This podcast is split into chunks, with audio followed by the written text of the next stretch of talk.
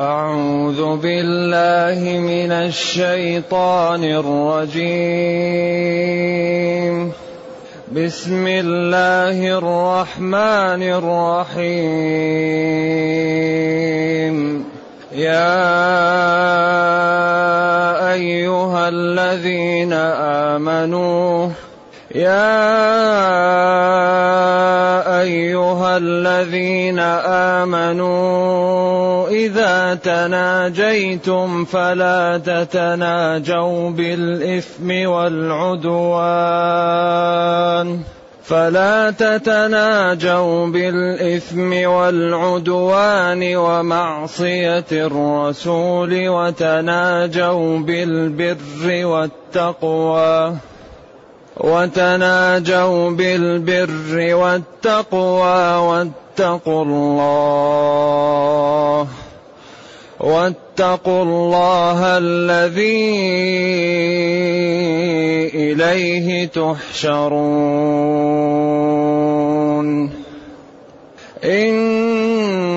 إنما النجوى من الشيطان ليحزن, ليحزن الذين آمنوا. وليس بضارهم شيئا إلا بإذن الله. وعلى الله فليتوكل المؤمنون. يا أيها الذين آمنوا إذا قيل لكم تفسحوا في المجالس فافسحوا يفسح الله لكم فافسحوا يفسح الله لكم وإذا قيل انشزوا فانشزوا واذا قيل انشزوا فانشزوا يرفع الله الذين امنوا منكم يرفع الله الذين امنوا منكم والذين اوتوا العلم درجات والله بما تعملون خبير. يا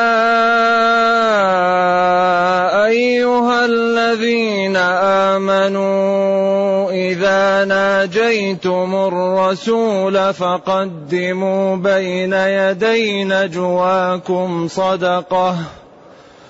فقدموا بين يدي نجواكم صدقة ذلك خير لكم وأطهر. ذلك خير لكم وأطهر فإن لم تجدوا فإن الله غفور رحيم. أأشفقتم أن تقدموا بين يدي نجواكم صدقات فإذ لم تفعلوا وتاب الله عليكم فإذ لم تفعلوا وتاب الله عليكم فأقيموا الصلاة وآتوا الزكاة. فأقيموا الصلاة وآتوا الزكاة وأطيعوا الله ورسوله.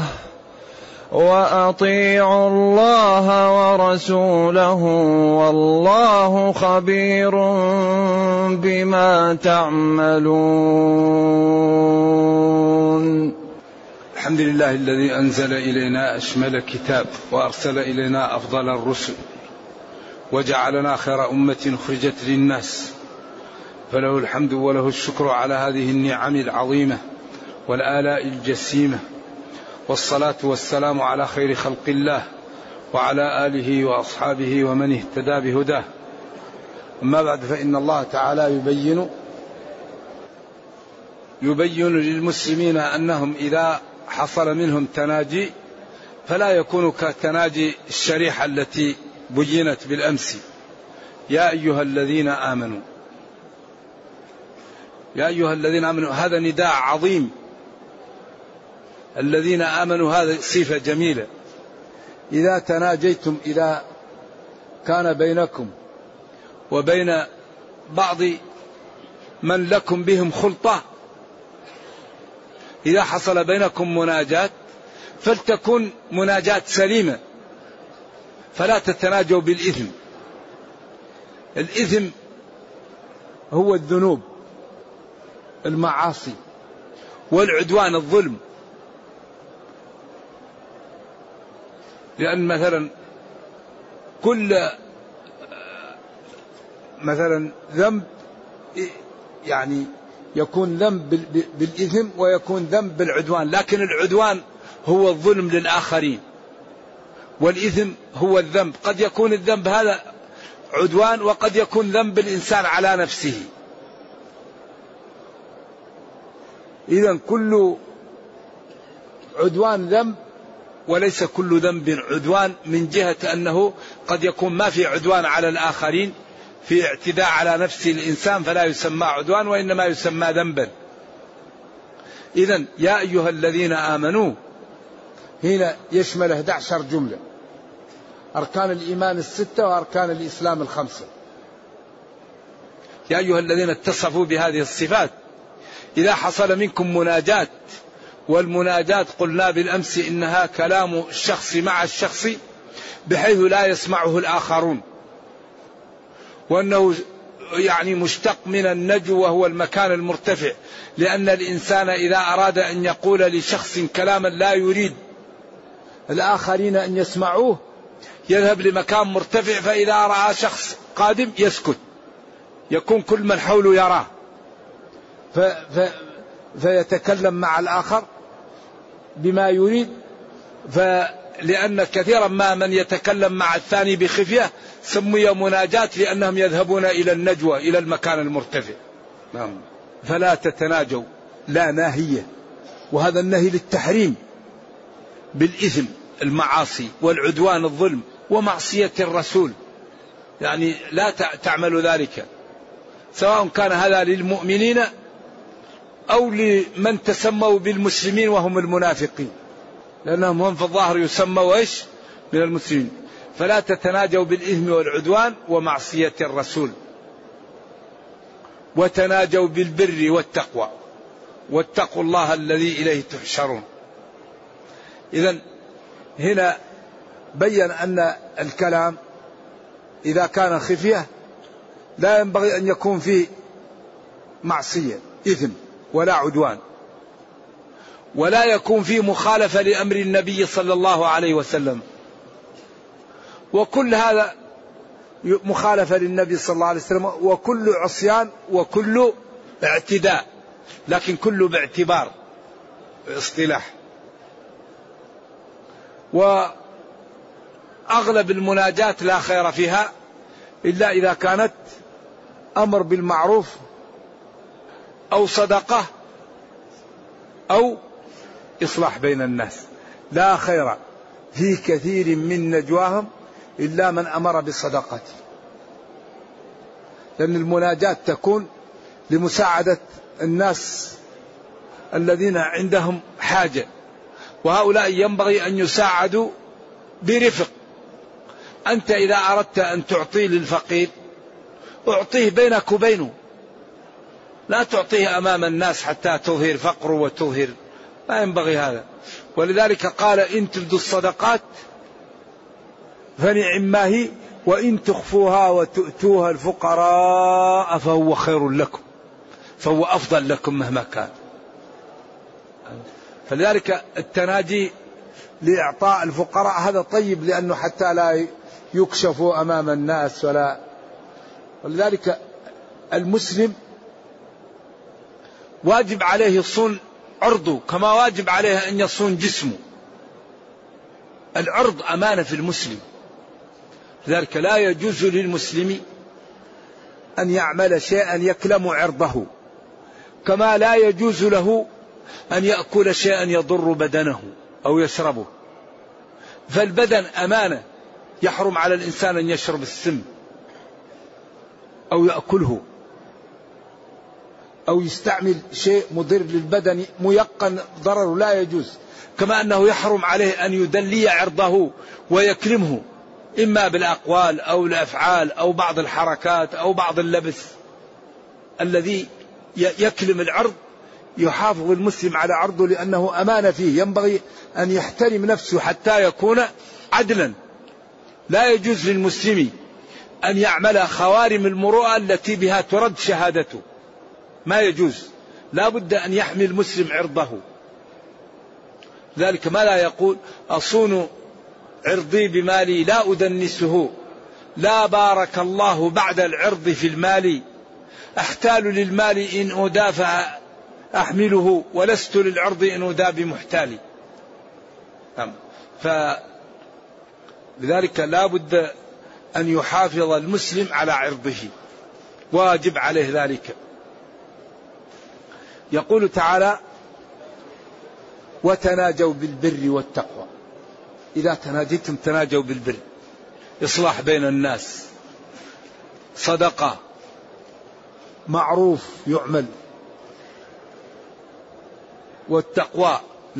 نجلس مع بعض أننا لا نتكلم فيما يقع بين الناس. نتناجى. أنا وأنت لا نتكلم فيما يقع بين الناس. لأن الإنسان إذا تكلم فيما يحصل بين الناس حتما سيغتاب. شاء أم أبى إذا متى يسلم الإنسان من أعراض الناس؟ أن لا يتكلم فيما يقع بينهم. لأنه بالاستقراء إذا كنت في جلسة وخرجت منها وحدثت بما يقع في الجلسة لازم أن تقع في الغيبة. إذا فلان قال لك كلام كلمة لا يريدها هي غيبة لهما. إذا فلان سخر من فلان غيبة. إذا فلان مزح على فلان غيبة. فأغلب الكلام الذي يقع بين الناس يكون فيه ماذا؟ يكون فيه الغيبة. إذا متى يسلم الإنسان من الغيبة؟ أن لا يتكلم فيما يقع يتكلم في العلم. يتكلم في التقى. يتكلم في إصلاح النية. يتكلم في أن يكون عنده مال حلال. كيف نأكل الحلال حتى تستجاب؟ الدعوة. كيف نبر بوالدي؟ كيف نكرم جيراني؟ كيف نربي من نعول تربية صحيحة؟ تكلم فيما ينفع. أما فلان قال وفلان حصل منه وفلان أمس قال لفلان وفلان أمس مع فلان قال هذا كله لابد يكون فيه غيبة. لأن الغيبة ذكرك أخاك بما يكره. ذكرك أخاك بما يكره. أي كلمة تصدر منك لأخيك في غير صالحه فهي غيبة. والناس يعني تشتهي في مجالسها أن تغتاب وتتمتع بالكلام في الآخرين. وهذا مضر للحسنات ومضيعة محرقة للحسنات. تأكل الحسنات كما تأكل النار الحطب الرقيق. فلذلك الواحد يبتعد. فإذا كابد يكون من سجيته عدم الكلام في الناس. أول يوم ثاني يوم ثالث يوم رابع يوم. بعدين يكون سجيته أنه لا يتكلم في الناس. النفس كالطفل. إن تفطمه شب على حب الرضاع وإن تفطمه إن تهمله شب على حب الرضاع وإن تفطمه ينفطم. النفس كالطفل. إن تهمله شب على حب الرضاع وإن تفطمه ينفطم. إذا وتناجوا بالبر. البر أعمال الخير والتقوى التعاون على أننا لا نغتاب ولا نكذب ولا نظلم ولا نترك بيننا ظالم. واتقوا الله اتقوا الله. اجعلوا بينكم وبين عذاب الله وقاية. بعدين أتى بالموصول الذي وجاء بالصلة إليه تحشرون. الذي إليه لا لغيره تحشرون فيجازي كلا بعمله. ثم بين أن النجوى الذي يفعلها المنافقون واليهود هي من الشيطان. هم يفعلونها وما يقع في قلوب المسلمين منها من الشيطان. ليحزن ليحزن أحزن وحزن. ليحزن. ليحزن رباعي وثلاثي. الذين آمنوا بمناجاة هؤلاء يقولون لم يفعلوا ذلك إلا ليضرونا وليؤذونا وليبيتوا لنا والمسلمون كانوا في حال الله أعلم بها. ضعفا وكل من حولهم يقاطعهم. فكانت النجوى تشوش عليهم نتيجة لفقرهم وضعفهم وقوة عدوهم وتكالبهم وتكاثرهم. فالشيطان يقول لهم ما فعلوا هذا إلا ليفعلوا بكم ويفعلوا بكم. فيسبب ذلك ألم للمؤمنين والمسلمين بضعفهم ولذلك ورد في الحديث لا يتناجى اثنان دون ثالث. إذا كان ثلاثة يمشون لا يتناجى اثنين ويتركون الثالث. حتى لا يش لا يقع في قلبه ألم أنهم يريدون به شيء وأنهم يقصونه حتى يأتوا للناس. هذا هذه الشريعة تراعي الشعور تراعي مكارم الأخلاق. لا يتناجى اثنان دون ثالث. حتى يأتوا للبلد أو يأتي رابع يجلس مع الثاني. وليس بضارهم شيئا. هذا الذي يفعله اليهود والمنافقون ويفعله ضعيف أعداء الإسلام من التناجي ومن هذا الأمر. وهذا الذي يقع لا يضر ليس بضارهم شيئا إلا بإرادة الله وقضائه وقدره. وعلى الله فليتوكل المؤمنون. على الله لا لغيره فليتوكل المؤمنون ويعلموا أنه سيحميهم وينصرهم وسيعزهم. ولذلك قال تعالى ومن يتوكل على الله فهو حسبه. يكفيه. قال في الفرقان وتوكل على الحي الذي لا يموت. قال العلماء من توكل على غير الله قد يموت فتبقى ما عندك أحد فتهلك. توكل على الحي الباقي الذي لا يموت. لأنه هو إذا توكلت عليه يحفظك يحميك يغنيك يعزك يدفع عنك أعدائك أما غير الله فهو عاجز. لو توكلت عليه لأوقعت نفسك في الهلكة والورطة. ثم جاءت هذه الآية مبينة لأن المسلمين كانوا في مجالسهم عند النبي صلى الله عليه وسلم يقربون ويحرصون على ما لا على العلم. وكان إذا جاء الأشياخ من بدر يعني نبي الله يقدر أهل بدر وأهل المكانة. أمرت أن ننزل الناس منازلهم. فكان إذا جاء هؤلاء ووقفوا أحيانا تكون الناس أخذت مواقعها وكل واحد يحرص على محله. فجاءت الآية تبين فضل التوسع في المجالس واللين لبعض والتعاون في ذلك والمبادرة للطاعة إذا قيل لهم أنهم يقوموا قال يا أيها الذين آمنوا إذا قيل لكم تفسحوا في المجالس أو في المجلس فافسحوا. المجلس مجلس النبي صلى الله عليه وسلم. ويكون هذا خاص به. أو في المجالس جميعا وهذا أقوى وقائله أكثر فافسحوا. بدل من أن شخص يقيم شخص لا يقيم أحدنا الرجل عن مكانه. ولكن يتوسع هذا ويتفسح هذا ويجلس الجميع. يفسح الله لكم في قبوركم وفي معايشكم وفي حياتكم. ويزيل عنكم الضيق لامتثال أمره. من يتق الله يجعل له مخرجا. اذا يا أيها الذين آمنوا إذا قيل لكم تفسحوا توسعوا في المجلس أو في المجالس فافسحوا. يفسح الله لكم. يفسح الله لكم هذا في كل شيء.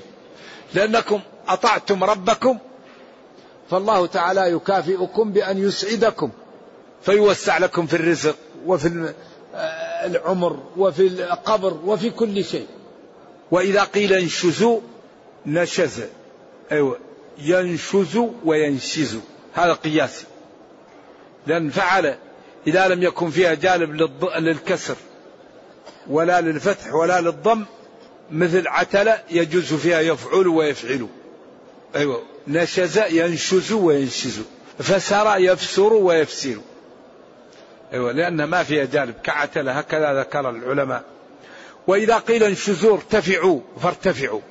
سواء لصلاة أو لجهاد أو لمهمة أو لأن النبي صلى الله عليه وسلم يحتاج إلى أن يبقى في بيته بمفرده وأنتم تطيلون الجلوس عنده. فإذا أمرتم بالانصراف فانصرفوا ولا تتأخروا. وإذا قيل انشزوا فانشزوا فامتثلوا. يرفع الله الذين آمنوا منكم. يرفع الله الذين آمنوا منكم. والذين أوتوا العلم درجة. هذا فيه قولان.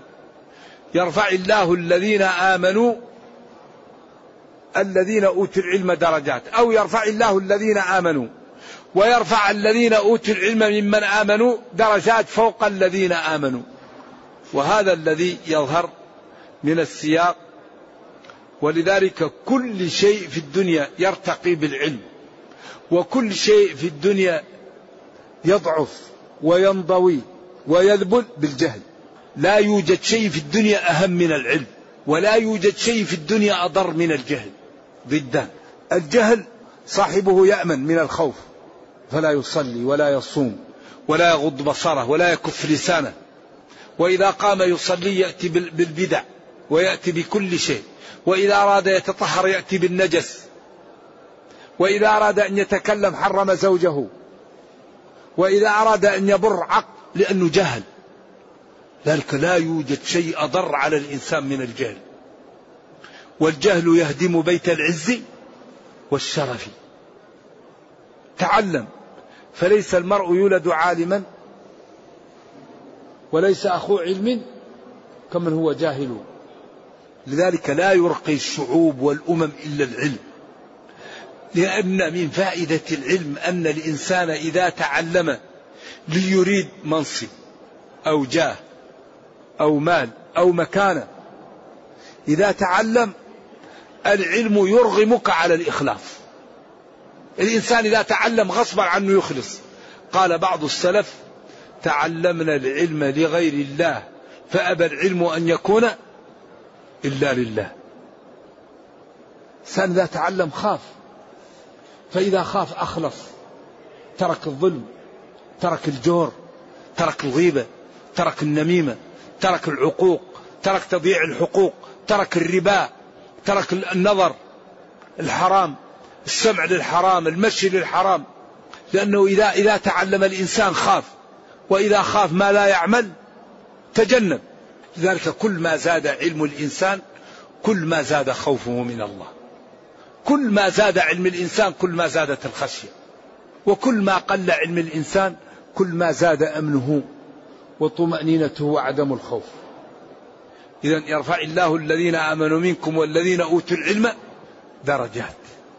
والعلم من فائدته أنه يبصرك بموارد الشيطان. يبصرك بموارد النفس يبصرك بأنك على رياء فتتوب. يبصرك على أنك على عدم إخلاص. يبصرك على أنك على بدعة.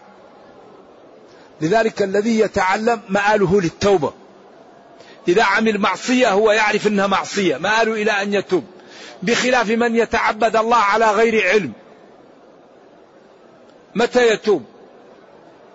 صاحب البدعة متى يتوب؟ لأنه ما يعرف أن الذين ضل سعيهم في الحياة الدنيا وهم يحسبون أنهم يحسنون صنعا. لذلك فضل العلم عظيم ونافلة العلم أفضل من نافلة العبادة لأنها تحمي البشر وتبين لهم الحلال من الحرام والنافع من الضار وتحدد الأمور فتبقى الأمة على بصيرة من أمرها. ولذلك أغلب الأمور الحرافات تأتي للمسلمين من عدم العلم. مات العلماء واتخذ الناس إيش؟ جهال فأفتوا بغير علم فضلوا وأضلوا. ألم يروا أننا نأتي الأرض ننقصها؟ من أطرافها كما قالوا بموت العلماء على أحد التفاسير. سحرة فرعون لما كانوا أعلم الناس بالسحر لما رمى موسى عصاه والتهمت الحبال والحيات أيقنوا أن هذا الذي عند موسى ليس من السحر. فالإيمان أرغمهم على السجود. قال فألقي السحرة ساجدين. ما قال فسجد السحرة؟ قال فألقي السحرة ساجدين. ولما هددهم بالقتل وقطع الأيدي والأرجل من خلاف قالوا في الشعراء لا ضير. إنا إلى ربنا منقلبون. إنا نطمع أن يغفر لنا ربنا خطايانا أن كنا أول المؤمنين. وقال في طه لن نؤثرك على ما جاءنا من البينات والذي فطرنا. فاقض ما أنت قاض. إنما تقضي هذه الحياة الدنيا. إنا آمنا بربنا ليغفر لنا خطايانا وما أكرهتنا عليه من السحر لحظة أصبحوا دعاة. ذلك الإيمان إذا وقر في القرب لا تخاف على صاحبه. وهذا لا يكون إلا بالعلم. الكلب لما علم أبيحت صيدته. وما علمتم من الجوارح؟ مكلبين معلمين الهدهد لما تعلم شيء من جغرافية اليمن.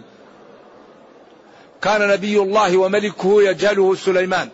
عليه وعلى نبينا الصلاة والسلام. وقف أمامه وقفة الشجاع. ونسب الإحاطة لنفسه ونفاها عن سليمان عشان نتعلم شيء من جغرافية اليمن. كان سليمان يجهله. قال وتفقد الطير. فقال ما لي لا أرى الهدهد. أم كان من الغائبين؟ لو عذبنه عذابا شديدا أو لأذبحنه أو ليأتيني بسلطان مبين. فمكث غير بعيد. فلما جاء ماذا قال؟ قال أحطت بما لم تحط به. أحطت بما لم تحط به. نسب الإحاطة لنفسه ونفاها عن سليمان عشان تعلم شيء من جغرافية اليمن. وهذا نبي الله وملكه وأعطي ما لم يعطى لغيره. لم يكن من سليمان إلا أن قال سننظر أصدقت أم كنت من الكاذبين. ذلك الذي ينبغي أن يصرف فيه الوقت العلم وبالأخص العلم بالحلال والحرام. العلم بأسباب دخول الجنة العلم بأسباب دخول جهنم العلم بأسباب الإخلاص العلم بأسباب أمراض النفس من الرياء واحتقار الآخرين والبطر وعدم قبول الحق. هذا علم ينبغي أن يدرس ويعلم ليتجنبه العاقل. هذا الذي ينبغي أن يصرف فيه الوقت. فإذا تعلم الإنسان إذا رآه إبليس الشيطان يهرب عنه. عمر كان إذا مشى في طريق الشيطان يذهب يروح لطريق أخرى. قال له إيه يا ابن الخطاب ما رآك الشيطان سالك فج؟ إلا سالك فجيش آخر. والله بالذي تعملونه أو بعملكم خبير ما موصولية أو مصدرية. ثم نادى هذه الجملة معترضة هنا. يا أيها الذين آمنوا إذا ناجيتم الرسول فقدموا بين يدي نجواكم صدقة. صدقة. ذلك ذلك خير لكم وأطهر. خير لكم للأجر وأطهر لقلوبكم. قالوا هذه الآية معترضة لأنها تتعلق بحق النبي صلى الله عليه وسلم والآية القادمة تتعلق به فلذلك جاءت هنا. وإلا الكلام اللي قبل هذه الآية وبعده مرتبط ببعض. وهذه الآية التي لم أقف على خلاف في أنها منسوخة. وكل الآيات الأخرى فيها خلاف. لا توجد آية في القرآن منسوخة إلا وفيها خلاف إلا هذه الآية لم أقف على خلاف فيها. يا أيها الذين آمنوا إذا ناجيتم الرسول أتيتموه مسارة تريدون منه شيئا بمفردكم فأتوا بصدقة على قدر ما تستطيعون. بين يدي نجواكم بين يدي مخاطبتكم له أتوا بصدقة. قالوا إن كثيرا من شباب المسلمين كانوا يأتون للنبي صلى الله عليه وسلم ويناجونه ليكون لهم مكان ولهم شيء. فأمروا بتقديم هذه الصدقة حتى يكف من لا حاجة له. عن أن يناجي النبي صلى الله عليه وسلم لأن ذلك فيه أرهاق وفيه أخذ لوقته. فيكون لا يقد لا يأتي إلا من له حاجة. ذلكم التقديم خير لكم أفضل لكم وأطهر لقلوبكم. فإن لم فإن لم تجدوا ما تقدمون فإن الله غفور لذنوبكم رحيم بكم. ثم رفعت هذه الآية قال أشفقتم أشفقتم. أشفقتم أشفقتم أن تقدموا بين يدي نجواكم صدقات. فإن لم تفعلوا ذلك وتاب الله عليكم فآتوا وناجوا الرسول من غير أن تدفعوا شيء. فأقيموا الصلاة وآتوا الزكاة وأطيعوا الله ورسوله. قالوا عمل بها علي ولا يثبت وقالوا لم يعمل بها أحد. وهل يجوز النسخ قبل العمل؟ هذا جائز عند الجمهور. والناس في النسخ بين إفراط وتفريط. بعض العلماء يقول لا نسخ وهذا باطل لأن الله قال وإذا بدلنا آية مكان آية والله أعلم بما ينزل. وقال ما ننسخ من آية أو ننسها نأتي بخير منها أو مثلها. وبعض العلماء جعل المنسوخ من الآيات مئات وهذا فيه تفريط وبعض العلماء مس في الوسط وقال هناك آيات منسوخة لا تتجاوز السبعة أو العشر بالكثير وهذا هو الذي يمشي مع الواقع. والنسخ هو رفع الحكم الثابت بخطاب متراخ عنه. ولا ينبغي لطلاب العلم أن يتكلموا في الشريعة إلا بعد معرفة الناسخ والمنسوخ لأن بعض الآيات منسوخ وبعض الأحاديث منسوخ فلا يم وهي صحاح وموجودة في القرآن فلا ينبغي للمسلم أن يتكلم في, في, في الأحكام إلا بعد معرفة الناسخ والمنسوخ أشفقتم أن تقدموا بين يدي نجواكم صدقات؟ فإذا لم تفعلوا ذلك ولم تقوموا به فتاب الله عليكم. أي فلعلة إشفاقكم وعدم قيامكم تاب الله عليكم. فأقيموا الصلاة. أدوا الصلاة لأنها أكبر جانب للحسنات. وآتوا زكاة أموالكم. وأطيعوا الله ورسوله فيما يأمرانكم به وينهاني عنكم.